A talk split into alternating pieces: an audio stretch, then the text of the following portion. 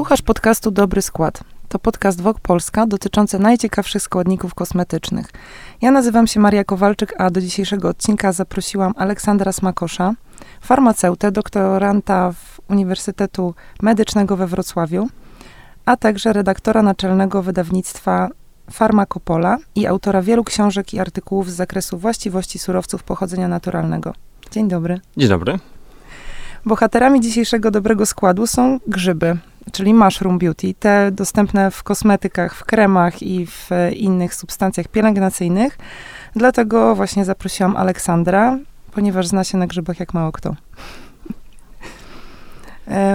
Chciałam zapytać, jak dobrze znamy grzyby na początku? Ile gatunków poznaliśmy do tej pory? Czy możesz nam coś na ten temat opowiedzieć?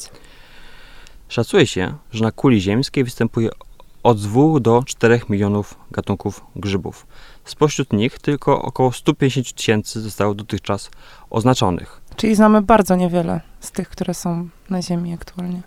Tak, yy, szacuje się, że około 2300 gatunków jest spożywanych lub są wykorzystywane jako yy, surowce lecznicze i dodatkowo 300 gatunków grzybów jest niebezpiecznych dla człowieka. No i jeszcze y, warto wspomnieć, bo już trochę o tym zacząłeś mówić, że gdyby nie grzyby, nie mielibyśmy wina, nie mielibyśmy serów, nie mielibyśmy chleba i nie mielibyśmy antybiotyków. A rzeczywiście, bo grzyby pleśniowe mm, zapewniają smak taki mięsny, umami, y, fermentowanych różnych produktów, między innymi sojowych, takich jak tempeh, miso, sos sojowy oraz oczywiście dają kolor i smak niebieskim serom, takim jak Roquefort i Stilton. No właśnie, czyli same smakowite rzeczy. Ze mną jest Aleksander Smakosz. Rozmawiamy o grzybach, ale tym razem na grzybobranie idziemy w kierunku beauty. I chciałam ciebie zapytać, czy to prawda, że grzyby działają odmładzająco, przeciwzmarszczkowo, nawilżająco na skórę i czego one jeszcze nie potrafią? E, czy mógłbyś nam wymienić kilka gatunków, e, które spotykane są w kosmetykach? Na pewno mm, głównymi związkami ciekawymi ze względów kosmetycznych, a zawartymi w, w grzybach są np. fenole, polifenole, terpeny, także selen, polisacharydy, witaminy i lotne związki organiczne. Ale jeżeli chodzi o przykłady konkretnych grzybów, to na przykład będzie reishi, chaga, shiitake, boczniak ostrygowaty, enoki i kilka innych gatunków. I oczywiście, co ciekawe, pieczarka. O, pieczarka. Tak, i to jeszcze ciekawsza kwestia jest taka, że pieczarka była właściwie używana w kosmetyce od czasów starożytnych, bo Pliniusz Starszy, czyli encyklopedysta i przyrodnik z pierwszego wieku naszej ery, właśnie pisał, że jest ona używana do odmładzania i wbilania skóry, co także potwierdził w okresie renesansu e, Marcin z czyli autor zielnika e, polskiego. Super, a czy to prawda, że muchomory mają działanie pielęgnacyjne? Bo słyszałam ostatnio taką plotkę. oczywiście muchomory czerwone są coraz powszechniej używane gastronomicznie, co oczywiście, czego oczywiście nie, po, nie, nie polecamy. nie. A także z względów marketingowych są używane w różnego rodzaju chałupniczych, półchałupniczych lub normalnych produktach sprzedawanych i stosowanych dermalnie.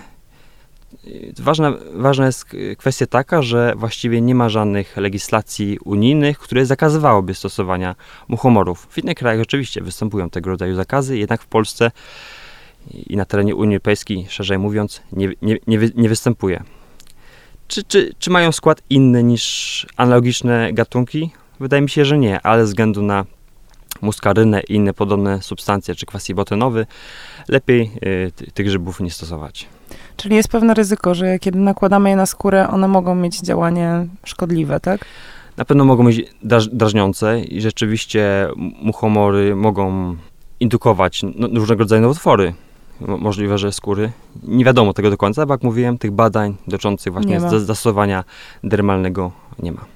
Czyli zostajemy przy pieczarkach i przy tych grzybach bezpiecznych, które wymieniłeś. E, wiem na temat grzyba czaga, że ma działanie nie tylko, nazywa się w ogóle inaczej błyskoporkiem podkorowym, dobrze mówię? Tak, Ionotus obliquus po No, to już nie powtórzę. E, I że dodaje się go nie tylko do kremów, które działają odmładzająco, ale też do wody, do kawy, czekolady i wówczas ten grzybek wykazuje działanie adaptogenne. I chciałabym, żebyśmy może trochę przybliżyli, co to w ogóle znaczy działanie adaptogenne, co to są adaptogeny. No i adaptogeny to są surowce, substancje, które mają ni ni niwelować pewne trudy życia codziennego, tak. Czy są niezbędne, no to jest kwestia już dyskusyjna. Po prostu rzeczywiście mogą y, obniżać poziom stresu, mogą ułatwiać funkcjonowanie mózgu, naszego umysłu, tego rodzaju aspekty. Rzeczywiście są pewne badania dotyczące czagi, y, nie tylko dotyczące odmładzającego, y, odmładzających efektów na skórę, a także tych właśnie e, właściwości adaptogennych. Jednak poza adaptogenami czaga była stosowana lub jest stosowana także półoficjalnie lub nieoficjalnie właśnie w leczeniu nowotworów. I to jest duży problem, ponieważ przez to, że niektórzy pacjenci stosują właśnie czagę zamiast konwencjonalnych środków leczniczych, skutkować to może przedwczesną śmiercią pacjenta. W 2014 roku, roku, jeżeli dobrze pamiętam, opublikowano opis przypadku japońskiej emerytki, która przez 6 miesięcy po zdiagnozowaniu raku, raka wątroby stosowała 4 do 5 łyżeczek proszku z powyższego grzyba. Spowodowało to nefropatię, co zaskutkowało ograniczeniem funkcjami nerek, przez co musiała być poddawana dializie. No ale robiła to na własną rękę, tak? Czyli to nie jest takie działanie, które jest yy, jakby przepisywane przez lekarzy. Oczywiście są niektórzy lekarze, co przechodzą na ciemną stronę mocy taką altmedową. I oczywiście to jest problem i w Polsce, i za, za granicą. Ale no, oczywiście w oficjalnej medycynie nie używa się czagi, nie jest to e, surowiec farmakopealny. Czytałam, że był używany bardziej ten grzybek e, przez szamanów i przez, e, przez czarodziejów dawniej, w dawnych czasach, że on bardzo ma stare w ogóle E, dowody leczenia, dowody, no, opowieści, które dotyczyły i legendy, że działa leczniczo. Tak, jak najbardziej. Etnofarmako etnofarmakologicznie czaga była stosowana od, setek lat, bo to jest pasjonujący grzyb, bo on jakby wyrasta z boku drzew w specyficzny sposób. Jakby widać, że to jest jakby mm, pewna narośl. Na... Czyli to jest pasożyt. Tak, jak właściwie wszystkie grzyby. Wszystkie grzyby są pasożytami. Ja myślałam, że one są jakby, że one współgrają z e, roślinami, z drzewami na przykład, że się komunikują. A czy może występować mikoryza, różnego rodzaju kontakty e, z korzeniami drzew?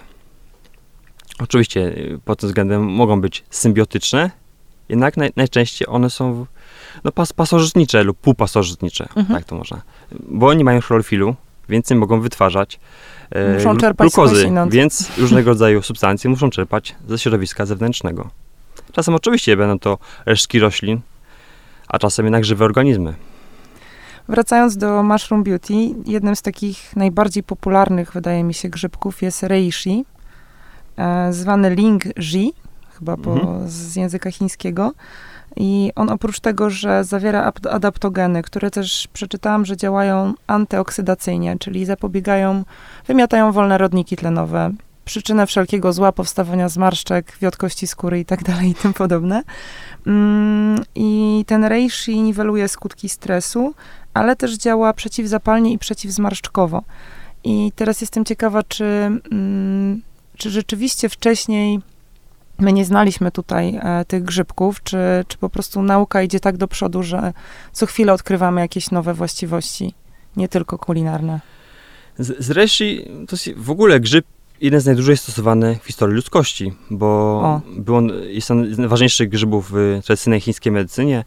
Wymieniał go już Shenong Benkao Jing, czyli taki, taki e, dzieło dotyczące ziołolecznictwa e, z III wieku przed naszą erą nie tylko wymieniał ten, e, to dzieło reszcie jako medium na serce i wątrobę, ale również jako składnik kosmetyków, który miał poprawiać koloryt twarzy. Również Li Shin-Chen, czyli chiński farmaceuta żyjący w XVI wieku, podał, że reishi zwiększa mądrość i poprawia koloryt skóry. Badania nad reishi współczesne wykazały, że redukuje on o połowę stężenia wolnych rodników. Ekstrakt z tego grzyba w stężeniu 0,05 do 0,2% może promować proliferację fibroplastów i hamować aktywność tyrozynazy. No i jak Państwo wiedzą, to jest enzym odpowiedzialny za syntezę melaniny, czyli głównego barwnika naszej skóry. Czyli on rzeczywiście rozjaśnia skórę i rozumiem, że może działać przeciwprzebarwieniowo, co jest dużym problemem kosmetycznym i dermatologicznym. Tak, jak najbardziej. On może ochraniać skórę, może wybielać, hamować powstawanie nowych zmarszczek.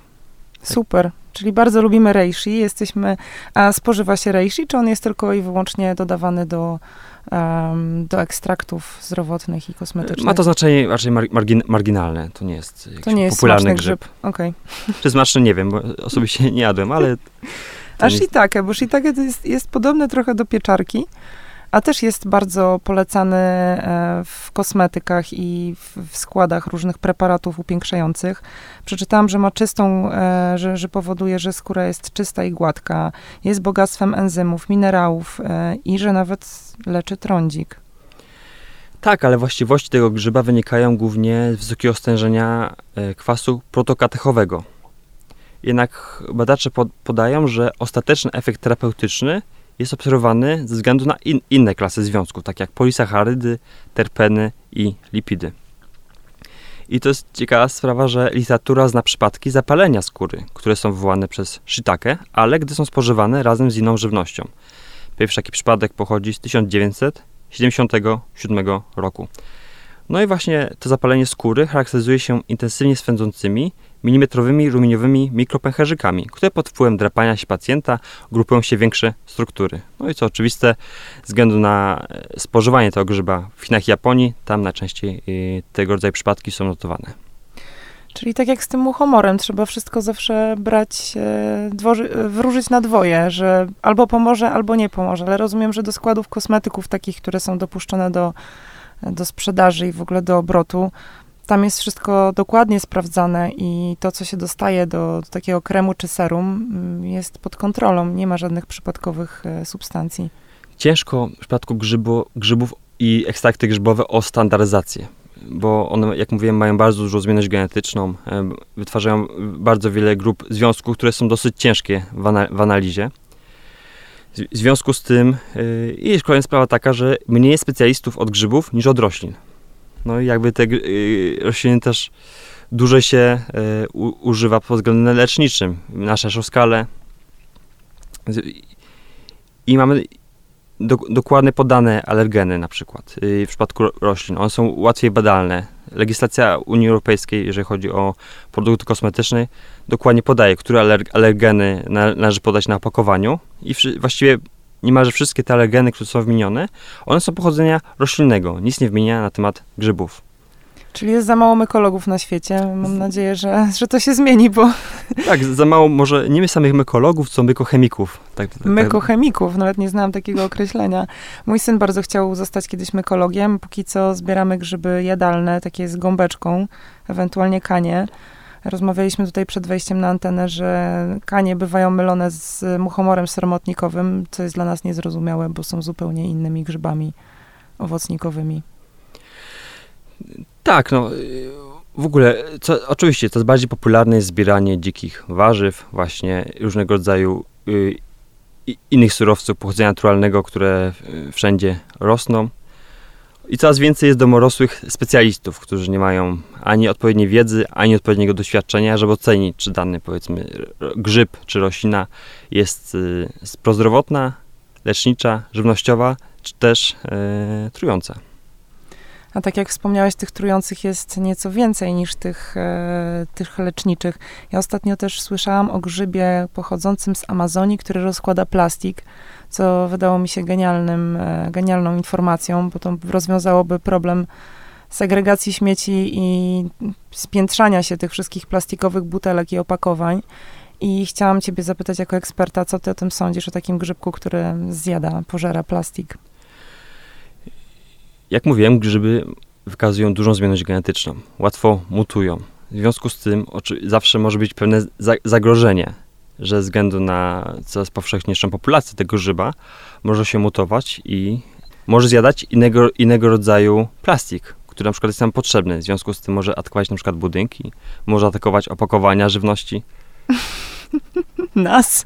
I jednocześnie może, może wykazywać szereg odporności, bo w ogóle infekcje grzybicze są bardzo ciężkie do leczenia. Właśnie ze względu na swoją specyficzną fizjologię i, i zmienność genetyczną. Tak mi się skojarzyło z tym serialem The Last of Us, gdzie grzyby atakują ludzi, ale wiem, że też są takie grzyby, które atakują nie ludzi, ale inne gatunki. Możesz o tym coś opowiedzieć? Tak, no, w przypadku ro, roślin w ogóle grzyby to są naj, naj, najczęstsze pasożyty. W przypadku zwierząt także to jest bardzo częsty przykład. Oczywiście takim najbardziej sztandarowym przykładem grzyba atakującego zwierzęta to jest cordyceps, który jest zbierany w, w Tybecie, Chinach. Tam też jest u, uprawiany no, w sposób specyficzny, bo ten grzyb atakuje e, gąsienicę i z jej głowy zaczyna wyrastać grzybnia, która następnie infekuje kolejne kolejne Brzmi osobniki. Brzmi naprawdę hardkorowo. Znaczy, śmiem wątpić, że w przypadku ludzi może, że ludzi może ten kordyceps atakować, ale... Ludzie go suplementują. Są specjalne suplementy z kordycepsem, które przywracają odporność. Podobno. Tak, to jest najpopularniejszy pasożyt stosowany no, leczniczo czy paraleczniczo. A ten grzyb, który atakuje mrówki afrykańskie? No, jest kilka gatunków grzybów, które mogą atakować mrówki. Istnie, istnieje grzyb, który atakuje mrówki i przekonuje ją, że warto iść nad mrowisko. Gdy już do tego dojdzie, grzyb wzrasta, morduje y, naszego żywiciela, a następnie puszcza zarodniki na całe gniazdo, na, całą, na całe mrowisko. W związku z tym inne mrówki także są zarażone i mogą przeka przekazywać materiał genetyczny grzyba dalej. Czyli on tak jakby programuje e, głowę mrówek, tak? To tak działa? Czy to jest e, coś... Cały, cały czas to jest badane, a, a, ale najprawdopodobniej tu chodzi o, o feromony. Też są pewne badania, które mówią, że niekoniecznie jest tak, że ten grzyb przekonuje tą, tą mrówkę, tylko na troszkę in, inny mechanizm. Ze względu na przykład na wilgotność, czy ze względu na warunki atmosferyczne ta, ta mrówka przychodzi nad gniazdo, ale no, jak mówiłem, badania trwają. A to jest bardzo ciekawe, bo jeżeli rzeczywiście grzyb zmutuje i będzie chciał nas przekonywać, to, to ten serial nie jest taki odległy. ten scenariusz. E, jeszcze nie powiedzieliśmy o grzybkach, bo cały czas mówimy o grzybach i w kontekście beauty, w kontekście odmładzania, w kontekście poprawy jakości skóry. Jest też taki grzyb enoki, który jest dodawany do potraw, e, wydaje mi się, azjatyckich i chińskich i tajskich. Kojarzę, to są takie białe, e, długie grzybki z małą główką Mm, z małym kapeluszem. Mm, I one są bogactwem antyoksydantów, tak przeczytałam, ale też e, działają przeciwzapalnie. Czyli znowu tu się pojawia ta sama historia trochę, że one wszystkie mają podobne właściwości. Tak, że, oczywiście enoki także to jest grzyb gastronomiczny. W samej Japonii się wytwarza około 140 tysięcy ton rocznie. Wow. Tak. Czyli on też w japońskiej kuchni siedzi. No, ja nie jestem biegła w japońskiej kuchni, ale on jest chyba bardzo smaczny, tak oprócz tak, wszystkiego. I, tak, mówię z doświadczenia, że jak najbardziej to jest bardzo smaczny, smaczny, smaczny grzyb, łatwo się go przygotowuje. No i rzeczywiście e, badania pokazują, że już w stężeniu 1 mg na mililitr ekstrakt z owocnika w zdecydowanie większym stopniu zmniejsza stężenie wodnych rodników tlenowych niż sam proszek suszonego owocnika. I po spożyciu doustnym obserwowano także obniżenie poziomu lipoprotein o małej gęstości, czyli tak zwany zły cholesterol, więc to nie tylko jest kwestia właśnie kosmetyczna, ale także... Zdrowotna. Prozdrowotna, jak najbardziej. Super. I jeszcze jeden ciekawy związek wykryli w tym enoki i to jest glukozyloceramid. No i ceramidy to są bardzo znane cząsteczki używane w kosmeceutyce. Poprawiają e, nawodnienie e, skóry, Także e, stymulują produkcję kolagenu i kwasu hialuronowego. No, czyli dbamy o młodość, jedząc enoki i smarując się enoki, a też e, taki smaczny grzyb, który jest również e, hodowany w Polsce. Nawet hodowałam go sama z grzybni na balkonie u siebie. Boczniak ostregowaty. Słyszałam, że jest mm, dobry dla skóry i że ma pewne właściwości, które można wykorzystać właśnie w kosmetyce. Tak, rzeczywiście ten grzyb ma działanie antyoksydacyjne, przeciwzapalne, przeciwbakteryjne. No i wykazano w innym badaniu, że właśnie ten boczniak ma największe właściwości redukujące wśród badanych grzybów. W tym mhm. samym badaniu badano m.in. pieczarkę i shiitake, o którym wcześniej mówiliśmy. mówiliśmy. W tym samym badaniu największe działanie przeciwzapalne i inaktywujące tyrozynę, no i przypominam, że to enzym odpowiedzialny za syntezę melaniny, miał formulacje zawierające ekstrakt z pieczarki. Chociaż boczniak i sztakę także również takie efekty wywołały, wywołały ale nieco słabsze. E, I boczniak zawiera kwas kojowy, który jest e, też znany z medycyny, z dermatologii konkretnie, w rozjaśnieniu przebarwień, czyli to jest znowu ta sama historia, to ta, o której wspominałeś, że wcześniej już e, w starożytnych Chinach, mm, nie w starożytnych, no ale w starszych Chinach niż, niż tych współcześnie, stosowano właśnie grzyby w rozjaśnianiu i wyrównywaniu kolorytu. I to jest piękna historia, że tutaj kolejny grzyb e, wykazuje podobne właściwości. Mam jeszcze takiego grzybka trzęsak morszczynowaty, znalazłam, że mm, on znowu zatrzymuje wodę w naskórku, czyli działa trochę jak kwas hialuronowy. E, nie wiem, czy o nim masz jakieś wiadomości? Tak, w ogóle to jest bardzo interesujący grzyb, gdyż on jest pasożytem innego grzyba. O. Drewniaka, czyli hypoksylon, tak, tak, on się, tak on się nazywa. No rzeczywiście w ostatnich latach prowadzone są coraz szersze badania nad tym grzybem e, ze względu na jego aplikacje kosmetyczne. No i udowodnili, że działa on immunostymulująco, przeciwutleniająco, przeciwstarzeniowo, przeciwzapalnie, a po stosowaniu wewnętrznym hipoglikemicznie. No i w badaniach laboratoryjnych formulacje zawierające ekstrakt z tej rośliny nie wywołują zaczerwienień ani podrażnień, co jest bardzo dobrą dla nas wiadomością. Czyli jest grzyb, którego możemy być pewni. Tak, i po trzech godzinach właśnie po zastosowaniu e, kremów z tego e, grzyba można obserwować wzrost nawilżenia skóry od 70 do 87%. A dla samego podłoża to jest około 60-70%, więc zdecydowanie około 20%, 20% więcej nawilżenia, tak? No ale to jest super, to jest bardzo dobry news, bo to oznacza, że e, nie dość, że ten grzyb działa, to jeszcze działa w jakimś tempie ekspresowym. A e, chciałam jeszcze ciebie zapytać o te badania a propos grzybów a zdrowia, bo wspomniałeś, że, mm, że owszem, są legendy ludowe, są pewne opowieści dotyczące działania takiego leczniczego grzybów, ale czy prowadzi się badania rzeczywiście nad takimi ciężkimi, przewlekłymi chorobami w kontekście grzybów, czy to jest wciąż jeszcze niezgłębiony temat? W ogóle bardzo ciężko badać e, choroby cywilizacyjne czy ciężkie choroby, no, na przykład nowotwory, ponieważ ciężko, na, na ile jest moralne, że prowadzi badania na ludziach, tak? No tak, to musiałoby być badania na żywym organizmie, rozumiem, co Oczy, mówisz. Oczywiście są badania in vitro, in, in vivo, czyli właśnie na różnego rodzaju mm, odczynnikach, czy próbach tkanek, czy na, na, na zwierzętach, ale cie, ciężko to odnieść do żywego organizmu, żywego mhm. człowieka, bo różnimy się na troszkę fizjologią od myszy, szczura czy chomika, a także się różnimy troszkę od, kom, od komórek, które są w, w kolbie laboratoryjnej. No tak, bo jest taka, już jest produkcja sztucznej skóry, gdzie można testować różne rzeczy.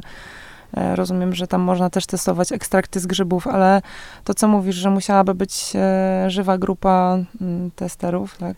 Tak, o, o, oczywiście to jest bardzo utrudnione. Na przykład mamy badania kliniczne, właśnie mamy różnego rodzaju ciężkie choroby, to powinniśmy jednej grupie dawać E, placebo? Pla, placebo, drugi leki. No, mhm. No ale jeżeli mamy chore, chore osoby na nowotwory, to w jaki sposób mamy jej dawać y, placebo? No, no i dlatego w badaniach klinicznych w, w, Europie tu się daje im lek taki typowy, jaki się stosuje w danej dolegliwości, ale w innych krajach, prawda, w Chinach czy podobnych, już tak mniej restrykcyjnie do tego mogą podchodzić. A co myślisz o takim e, podejściu, że może mm, warto przetestować te adaptogeny na zasadzie poprawy nastroju, ale nie traktować ich tak stuprocentowo poważnie leczniczo? Bo słyszałam też o takich historiach, że grzyby działają antydepresyjnie. Mm, I tu jest takie niebezpieczeństwo, o którym wspomniałeś, e, dotyczące chorób takich e, organizmu, ale tutaj mówimy o chorobach głowy. E, I jest pewne ryzyko, że znowu, tak jak w przypadku tej pani, o której wspomniałeś, e, która leczyła się na własną rękę z nowotworu, e, w przypadku leczenia depresji też może być coś zupełnie odwrotnego. Więc jak ty byś podszedł do przyjmowania grzybów? Wiadomo, żeby zarejestrować lek, potrzeba wielu badań, 5-10 lat, około miliarda dolarów, że w ogóle wprowadzić jakikolwiek medykament na rynek no, ludzie nie są świadomi, jak bardzo, jak wiele badań, ile to czasu, ile pieniędzy to zużywa tak naprawdę. No i w przypadku grzyba mam pewne dowody, takie próby kliniczne małe na ki kilkuset, kilkudziesięciu osobach dotyczące powiedzmy zastosowania danego grzyba adaptogennego. I rzeczywiście po analizie statystycznej mamy wykazane, że on działa, a czy dla populacyjnie to będzie działało, czy jak będziemy stosować ten grzyb przez dłuższy czas, może jakieś będą działania niepożądane, no tego nie, jeszcze nie wiemy. Tego jeszcze nie wiemy, tak? Więc same wprowadzenie na, na rynek, powiedzmy, leku jest, jest, jest, bardzo ciężkie. Tym bardziej, że to są surowce pochodzenia naturalnego. W związku z tym mamy są bardzo zmienny, zmienny skład, tak? Nie, nie, nie zawsze wiemy dokładnie, które substancje działają, albo które interakcje między substancjami zawartymi w danym ekstrakcie mogą wywołać dany efekt. No tak, a jak w takim razie już e, kończąc naszą rozmowę, bo kończy nam się tutaj e, czas, jak byś podszedł do tych grzybów e, beauty, do tych, które mają to działanie kosmetyczne? Czy ryzykowałbyś, zachęcał do eksperymentowania, czy jednak do zachowania zdrowego rozsądku? Tak, wydaje, do, wydaje to się dosyć dobrym surowcem leczniczym. Jak właśnie tu pokazaliśmy, istnieje długa historia stosowania niektórych gatunków, a jednak na przykład dla Europejskiej Agencji Leków to jest dowód. Bo Europejska Agencja leków wydaje co pewien czas takie monografie dotyczące różnych e, surowców pochodzenia naturalnego i na przykład powołuje się na dane z XVI wieku, XV. A to pięknie. Tak, pokazuje, że jakby mamy historię stosowania danego, danego środka i on jest względnie bezpieczny. W związku z tym, jeżeli tu mamy historię stosowania tych, tych, tych, tych grzybów, warto stosować, tym bardziej, że współczesna nauka potwierdza ich y, działanie kosmeceutyczne. Super, to w takim razie słuchajcie, życzymy Wam e, dobrego grzybobrania również e, w, w miejscach takich jak perfumerie czy drogerie. Mm, koniecznie e, przeczytajcie, mm, ja postaram się napisać pod, e, pod tym nagraniem, które grzyby zasługują na wyjątkową uwagę i może przykłady, gdzie można je znaleźć. Moim dzisiejszym gościem e, był Aleksander Smakosz, a ja nazywam się Maria Kowalczyk i to jest podcast Dobry Skład dla Wok Polska. Dziękuję serdecznie. Dzięki.